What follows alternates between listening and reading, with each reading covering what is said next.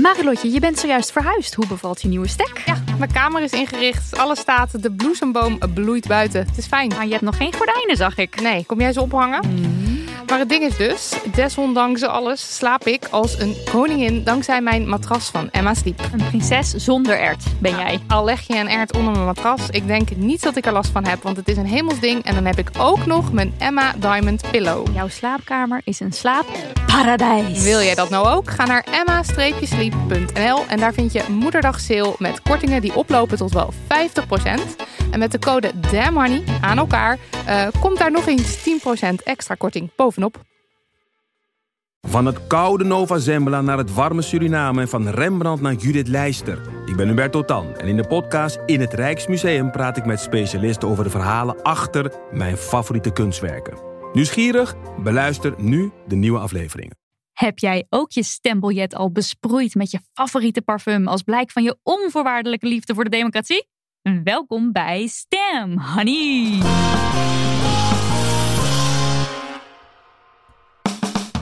Een speciale bonusserie die we maken om jou te laten stemmen op de politieke feminist die het allerbeste bij je past. Zie het als een soort speeddaten met lijsttrekkers. En we hebben er maar liefst zes bereid gevonden om te daten met ons en te kletsen over feminisme. Ze wilden wel maar een kwartier. Het lijsttrekkerschap is een druk datend bestaan, dus we gaan als een wervelwind door de thematiek heen. Mijn naam is Marilotte. En ik ben Lydia. In de vorige afleveringen spraken we met Bloemen, Ouwehand, Kaag en Dassen. En in deze aflevering is de gast Sylvana Simons, lijsttrekker van Bijeen. Bovendien is ze oudgediende bij Damn Honey, want ze schoof ook al eens bij ons aan in aflevering 44. Ik kan niet wachten, zwengel die Zoom-verbinding maar aan.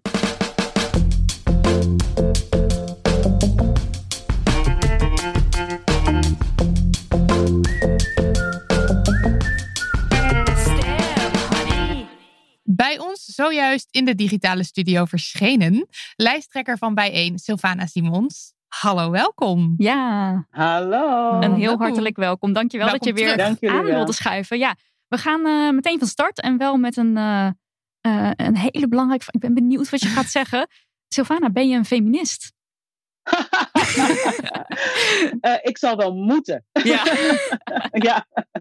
ja, de wereld heeft eh, eh, feminisme nodig, veel feminisme nodig. En ehm, het is wel grappig, want ik, ik, ik was al heel jong toen ik me realiseerde. Ik ben een feminist of ik wil graag een feminist zijn, maar wat houdt het nou werkelijk in? Eh, maar ik had al heel jong eh, het besef dat, ehm, ja, dat feminisme nodig is, dat het niet alleen over vrouwen gaat, maar eigenlijk over onze algehele vooruitgang. En eh, we, hoe heeft dat zich op jonge leeftijd al geuit? Nou, ik denk dat eh, het, het, het, het gevoel een feminist te zijn begint bij een gevoel, een hang naar rechtvaardigheid. Dus ehm, op enig moment als kind merk je eh, dat meisjes anders behandeld worden dan jongens. En dat ehm, eh, mensen anders tegen vrouwen aankijken dan tegen mannen. Mijn ouders werkten bijvoorbeeld allebei. En ik, ik kreeg nooit de vraag: waarom werkt je vader? Mhm. Maar altijd de vraag: waarom werkt je moeder? Ja. Eh, eh, en, en en weet je wel, dus langzaam begon ik me te realiseren van hé, hey, we hebben andere normen, andere standaarden voor vrouwen. Eh, en ehm, ik denk dat het een, een, een, een, een, ja, een intrinsiek natuurlijk gevoel is van dat, dat klopt niet. En, en noemde je jezelf vroeger dan ook al feminist? Eh, was dat een cool woord of eh, niet? Het was denk ik wel een cool woord. ehm, alleen, ja, net wat ik zeg, ik, ik, ik, ik had er niet echt een hele diepe betekenis aan in Ja. het praktische toen Ja. ik jonger was. Ja. Eh, ik wist dat ik een feminist was en moest zijn, maar hoe dat feminisme eruit moest zien, het was meer een, eh, een, eh, een stickertje eh, zonder echt veel inhoud. En dat, dat heeft zich natuurlijk in de loop der jaren gelukkig wel ontwikkeld. Ja. En ehm, feminisme, is het nodig in Nederland? Ja, want je zei net, de wereld heeft feminisme nodig. Heeft specifiek Nederland nog feminisme nodig? Absoluut. En nog op heel veel vlakken. Ik denk dat we in Nederland wel eh, eens moeten beginnen bij de definitie van feminisme. Mhm. Want het feminisme is eh, eh, altijd in beweging. In Nederland kennen we natuurlijk sinds de zestiger jaren hele actieve feministische groepen die voor hele concrete vrouwenrechten hebben gestreden. Eh, maar in 2021 denk ik dat het goed is om met elkaar, voordat je over feminisme praat, eh, waar heb je het dan eigenlijk over? Eh, voldoet het traditionele feminisme nog? Wat, wat, wat zou het huidige feminisme moeten inhouden? En bij één heeft daar wel een hele duidelijke blik op. Ons feminisme is natuurlijk intersectioneel feminisme. Dat betekent dat we rekening houden met meer identiteiten die een rol spelen in het leven van, uh, van iemand. En dus ook in de uitdagingen die iemand tegenkomt en dus ook in de oplossingen die je moet bieden. En dan gaat het dus niet alleen maar over mannen en vrouwen. Absoluut niet. Nee. nee. Precies, nee, absoluut niet. En um, wat, wat, wat is feminisme als je daar bijvoorbeeld uh, geen transvrouwen bij betrekt, die hun eigen uitdagingen, problematiek en oplossingen nodig hebben? Uh, wat about non-binaire mensen die uh, zich niet als, per se als vrouw identificeren? Uh, maar door de samenleving natuurlijk heel snel, ja, als je geen cis-hetero man bent, dan, dan, dan ligt je mannelijkheid onder vuur. Dus dan, dan, dan word je, dat merk je ook in de gay community, um, min of meer in het hokje van de vrouwen geplaatst. Dus ehm, het, moet in, het moet inclusief zijn, het feminisme. Het moet uh, verder denken dan. Uh, uh, en er moet ook gedacht worden aan concrete zaken als een loonkloof. Ik denk dat dat heel erg belangrijk is om op te lossen. Maar we moeten wel breder denken. We moeten niet alleen maar denken aan meer vrouwen aan de top. Dat is incompleet feminisme. Ja, en um, wat zijn dan volgens jou, volgens bij één, moet ik eigenlijk vragen, de grootste thema's binnen het feminisme, of dus eigenlijk ongelijkwaardigheid, um, waar, we, waar, ja, waar we eigenlijk direct nu iets mee moeten? Nou, ten eerste denk ik dat de loonkloof iets is wat in 2021 gewoon niet langer mag bestaan. Mm -hmm. uh, de loonkloof die we kennen is eh, de facto een schending van, ons, van het eerste artikel van onze grondwet. Uh, ik denk dat, het, dat dat heel erg belangrijk is, want dat uh, werkt door in hoe financieel afhankelijk vrouwen kunnen zijn. Um, dat werkt door in uh, hoe kinderen al dan niet in armoede leven. Um, dus die loonkloof is heel erg bepalend. De, de, de, de economische zelfstandigheid van vrouwen uh, staat onder druk. In Nederland, uh, zelfs in een van de rijkste landen ter wereld, zijn er heel veel vrouwen die, als zij morgen zonder partner komen te zitten, uh, het zelf niet financieel zouden redden. Dat is ook nog eens gevaarlijk. als je, stel je voor dat je in een relatie zit die niet gezond is. en je kunt niet weg omdat je ja, omdat je financieel gevangen zit. Um, dus dat werkt ontzettend door. We moeten ook kijken naar. Uh, uh, breder naar de economische positie van vrouwen. Want uh, feminisme moet ook en vooral gaan over hoe waarderen wij werk. Wat is werk? Voor welk werk wordt betaald? En voor welk werk, van welk werk verwachten wij dat vrouwen, met name vrouwen, het gewoon maar doen. En dan hebben we het vaak over zorg. Zorg voor kinderen, uh, uh, zorg voor het huishouden. Maar dat zijn ook de moeders die op school bijspringen, bijvoorbeeld. Met de, de, leeslessen en het luizen, luizenkammen.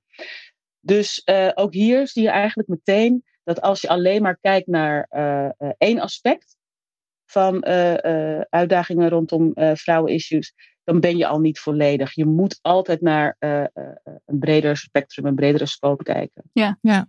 En zijn er ja, concrete dingen te noemen die bijeen dan uh, aandraagt als ja, ja, het is eigenlijk te groot om meteen met een oplossing te komen, maar een aantal concrete plannen?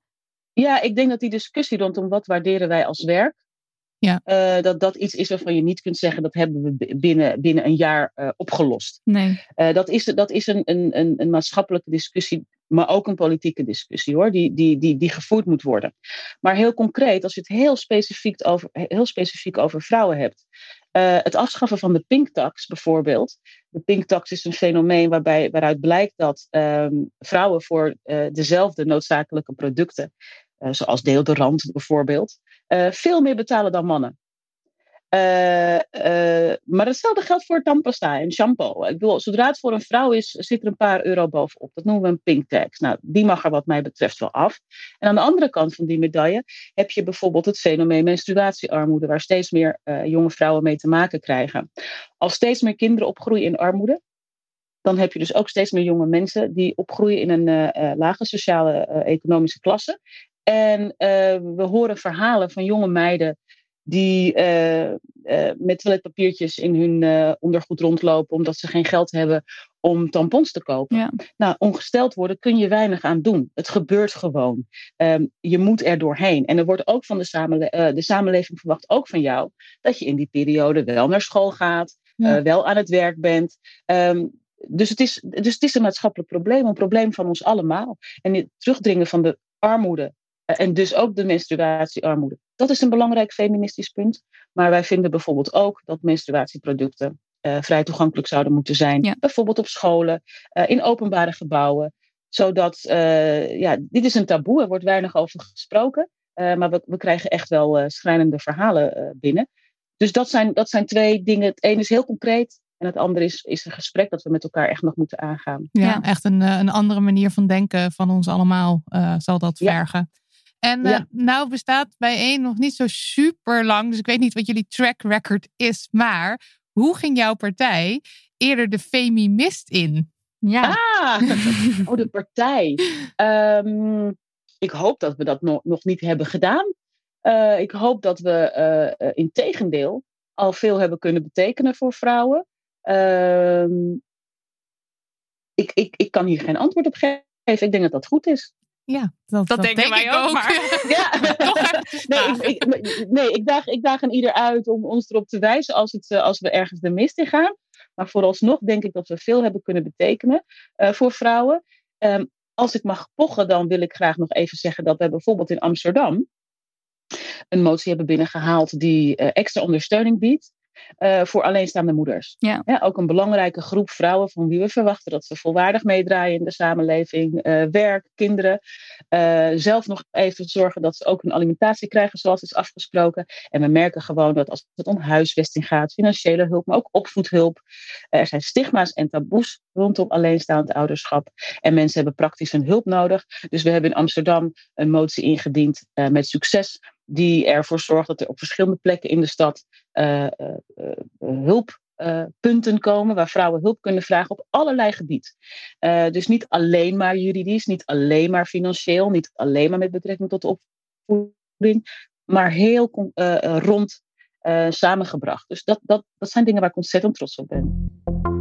We komen even tussendoor om onze sponsor in de sunshine te zetten. Het is uitgeverij Blossom Books die deze serie mogelijk maakte. En om iets specifieker te zijn, het boek Waarom je niet zomaar moet stemmen waar je ouders op stemmen, geschreven door Titia Hogendoorn in samenwerking met Nienke Schuitenmaker. Met dit boekje heb je de complete basis in handen van de Nederlandse politiek. Wat verdomde handig is als je gaat stemmen. Wat jij dus gaat doen ergens om en nabij 17 maart. En Titia zou Titia niet zijn als ze de politiek niet hilarisch had gemaakt. Die meid heeft talent, want nooit eerder lag ik onder de tafel van het lachen door een boek over notabene de politiek. Voor maar 8,99 weet jij waarom je niet zomaar moet stemmen waar je ouders op stemmen. En dat is geen geld om een beetje te weten hoe de politieke wereld in elkaar steekt zonder in slaap te vallen. Hup naar Libris.nl dus, waar je waarom je niet zomaar moet stemmen waar je ouders op stemmen, kunt bestellen bij je lokale boekhandel.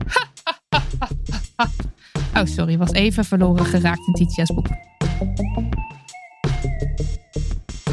Nou, we hebben natuurlijk in Nederland al uh, nou ja, sinds, eh, sinds de, uh, het begin der tijden hebben we dat witte mannen beslissen over allerlei heel erg belangrijke dingen in de politiek. Terwijl Nederland niet bestaat uit enkel witte cis-hetero mannen, om dat er ook meteen even mee te pakken.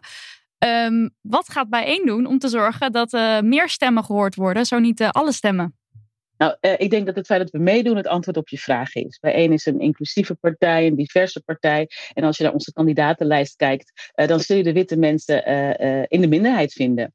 Dus een stem op bijeen is automatisch een stem op diversiteit. Is automatisch een stem op meerdere perspectieven. Of je nou op mij als lijsttrekker stemt, op Rebecca, op Jeanette op nummer 6, sorry, op nummer 5. 4. Ah, zie je? uh, alle onze kandidaten zijn. Nee, op, op, op vijf staat Daryl natuurlijk. Daryl, overigens, uh, uh, nu zijn naam valt, een van de grootste feministen uit onze partij. Ja, we weten het. ja, dan, dan, dan zie je dus dat, het, dat, dat, dat een man hebben die begrijpt dat feminisme geen zaak van alleen vrouwen is. Ja. Dus we brengen de diversiteit. Onze mannen zijn ook feminist. Ja. dus ik denk dat ja, op wie je je stem ook uitbrengt, bij één en dat is natuurlijk ook waarom we er zijn. Om het status quo te doorbreken, om representatie te bieden. Uh, je kunt bij ons, denk ik, niet op een niet-feminist stemmen. Uh, je stemt automatisch op kleur, je stemt op intersectionaliteit. Wees zo trots op onze kandidatenlijst. Nou, wij, Zo, ja, wij ook. Wij ook. We zijn trots voor jullie en voor de wereld in Ja. Nederland. En ehm, Thank you. nou is er nou nog, nog, nog een keer je kans om eh, al onze luisteraars over te halen om op bijeen te stemmen. Want waarom zou elke feminist op juist jouw partij moeten stemmen? Waarom zou elke feminist op bijeen moeten stemmen? Omdat bijeen een partij is van feministen. Eh, het is onmogelijk om lid van bijeen te zijn, of kandidaat van bijeen te zijn en eh, eh, geen feminist te zijn. Als je naar ons verkiezingsprogramma kijkt, dan zie je dat de manier waarop wij onze standpunten en beleid vormgeven, we dat altijd doen met inachtneming van alle ehm, stakeholders, noem ik het maar even. Ehm, dus er is altijd ook een feministische blik overheen gegaan. Ehm, ik zei het al, onze lijst bestaat voor het grootste gedeelte uit vrouwen, non-binaire mensen eh, eh, en eh, niet-cis mensen. Dus ja, weet je, het is bijna lastig voor me om, om, om, om argumenten te vinden, want we zijn één groot feministisch argument. Ja. We ademen het, we zijn het. Kijk, kijk naar onze lijst, zeg ik altijd, en dan weet je genoeg. En ik moet erbij zeggen, wat heel mooi is, dat we deze verkiezingen zo ontzettend veel vrouwelijke lijsttrekkers hebben. Ergens is dat ook een bewijs van eh, toch weer die macht van de, van de witte mannen in de partij, die het nou ja, uiteindelijk een vrouw wel gunnen. Partij voor de Dieren uitgezonderd, die hadden natuurlijk vorige keer ook al een vrouwelijke lijsttrekker. Eh, maar deze partij, bijeen, is de enige partij die eh, voor het grootste gedeelte ook geleid wordt door vrouwen. Als je naar ons landelijk bestuur kijkt, dan zit daar één cis-man in. En de rest zijn vrouwen, non-binair of trans mensen. En eh, deze partij is natuurlijk opgericht door een feminist. Eh, de partijleider is feminist, de lijsttrekker is feminist. Dus ehm, we ademen feminisme. Vurig en fantastisch fantastisch pleidooi. pleidooi. Ja. Oké, dan hebben we nog een paar eh, korte keuzevragen. eh, die je ook even kort mag toelichten als je dat wil. Beginnen we met de eerste. Liever inzetten op mannen en vrouwen beide fulltime werken. Of mannen en vrouwen beide parttime werken. Mannen en vrouwen beide parttime werken. Bijeen staat voor een eh, 30-urige werkweek eh, met behoud van eh, eh, eh, loon natuurlijk.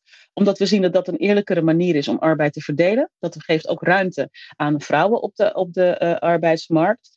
En feminisme is bij uitstek een economisch onderwerp. Dat, zeg, dat, zeg ik de, de, de hele tijd.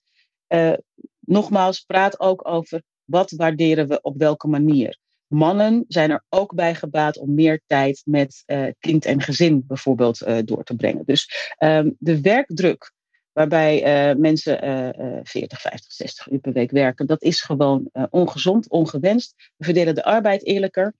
En ehm, het omhoog brengen van het minimumloon is ook per definitie een feministisch standpunt. Het zijn vaak vrouwen die de lagere posities bekleden binnen organisaties. Eh, en die dat nu dus doen voor een eh, niet toereikend minimumloon. Dus eh, het minimumloon moet omhoog naar 14 euro per direct. Daar gaan vrouwen van profiteren. En die werkweek, die werkuren moeten we met elkaar verdelen. Check. Geboorteverlof gelijk trekken voor alle ouders, ja of nee? Ja. En dat- Zo grappig. Vraag je me dit? Die, ver- die verontwaardiging van du- durf je dit nog te vragen? Ja, natuurlijk. is vraag. ja, en eh, eh, laten we daarbij ook kijken naar de definitie van ouders. Eh, ouders, gezinnen van tegenwoordig bestaan niet langer altijd uit een cis-hetero man en een cis-hetero vrouw. Dus ja, ik, toevallig maak ik vanmorgen een screenshot van een, een tweet van iemand die, die, werkt bij een Amerikaans bedrijf, waar je ontzettend veel op aan kunt merken. Het is een bedrijf Ik dat, heb het gezien. eh, eh, heb je het gezien? Ja, ja, ja. Ik niet. Ik niet. En, het, het, en die, tweet die zei, ik werk bij een eh, groot Amerikaans bedrijf, hoeven we de naam niet te noemen. En de non-birthing parent Ja. krijgt twaalf weken verlof. Deze persoon, een Nederlander, eh, eh, had besloten om nu zes weken te nemen na de geboorte. En dan rond de feestdagen, geloof ik, ergens later in het jaar weer zes weken. En ineens dacht ik, mijn moeder werkte ook bij een Amerikaans bedrijf. En eh, ook zo'n bedrijf waar je heel erg veel op aan kunt merken. Maar dit hebben ze toevallig wel beter geregeld dan wij. Ja. Ja. Eh, dus ik heb, daarom heb ik er ook een screenshot van gemaakt. Eh, laten we kijken naar eh, de term ouder. En laten we iedereen die eh, aanspraak maakt op die term eh, eh, evenveel verlof geven. Vijf dagen verplichte bedenktijd bij abortus, ja of nee? Nee. die is overbodig. Uh, en kan zelfs uh, grievend zijn. Het is een beetje een ouderwets woord. Uh, maar een, iedere vrouw die nadenkt over abortus, die denkt daar goed over na. Ik heb nog nooit gehoord van iemand die s morgens wakker werd, een zwangerschapstest deed en dacht, nou weet je, dan fiets ik gelijk op weg naar werk even langs de, langs de abortuskliniek. Het is een hele ingrijpende beslissing die je wel overwogen neemt, ook al is die emotioneel.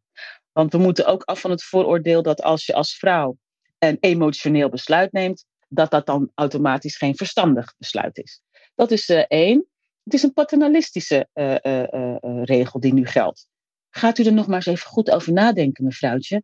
Mevrouwtje heeft er al goed over nagedacht. En er is niemand die zegt dat je niet vijf dagen mag nadenken. Dat mag nog steeds. Ja. ja. Dus die verplichting, uh, daar zit het hem in. Die is gewoon niet nodig. En abortus moet ook uit het wetboek van strafrecht.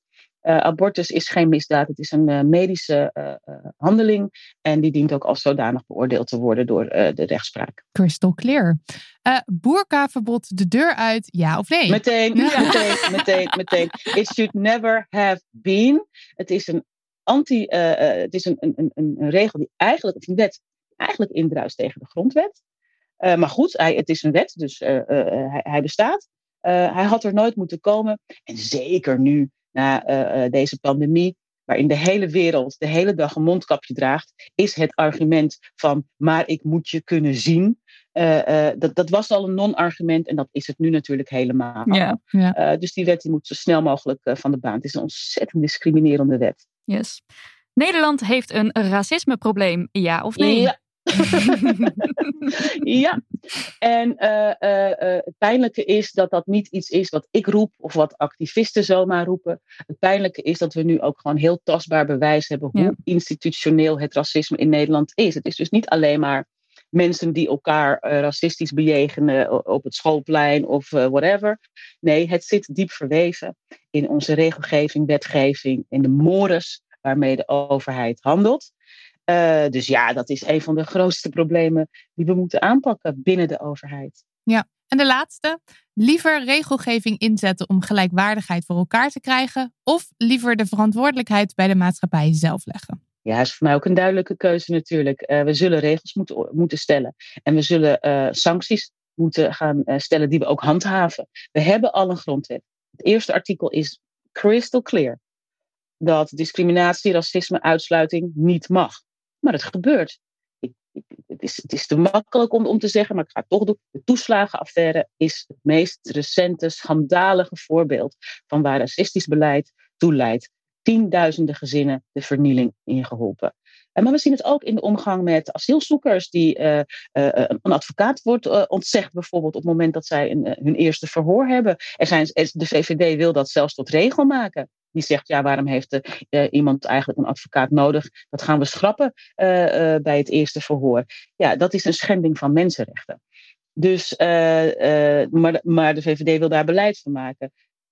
De, de, voorbeelden zijn talloos. Ja, we hebben een probleem met racisme, met seksisme, met validisme. Uh, we hebben heel veel problemen op het gebied van uitsluiting en discriminatie. En dat is een van de redenen dat wij een ministerie voorstellen dat zich uitsluitend daarop uh, uh, um, gaat richten. Om die gelijkwaardigheid binnen de instituties, binnen de overheid terug te brengen. Want als het ergens goed moet zitten, is het natuurlijk bij de overheid. Ja, dat was hem. We zijn er alweer doorheen. Aan je lippen, ja, zoals altijd. Vloog voorbij. Ja, it's a wrap. Oh, I love you so much. Heel veel dank. Heel erg veel dank. En, en um, veel ja, succes. Ja, alle succes dank van de wereld de ja. komende tijd. Uh, we're rooting for you. Thank you. Ja, rooting and voting. Yes. Dit was hem weer. Leuk en thanks dat je luisterde. Veel dank aan de lijsttrekker.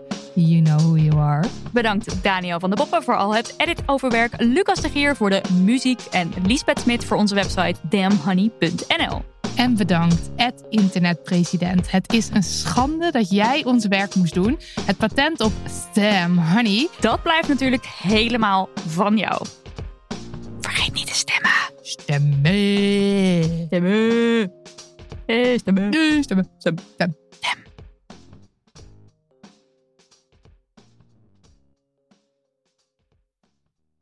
Kussens, bedden, matrassen, beddengoed. Emma Sleep heeft het allemaal. Ga naar emma-sleep.nl om van jouw slaapkamer een slaapparadijs te maken. Er is nu moederdag sale gaande met kortingen die oplopen tot wel 50%. Gebruik de code DAMHONEY voor nog eens 10% korting daarbovenop.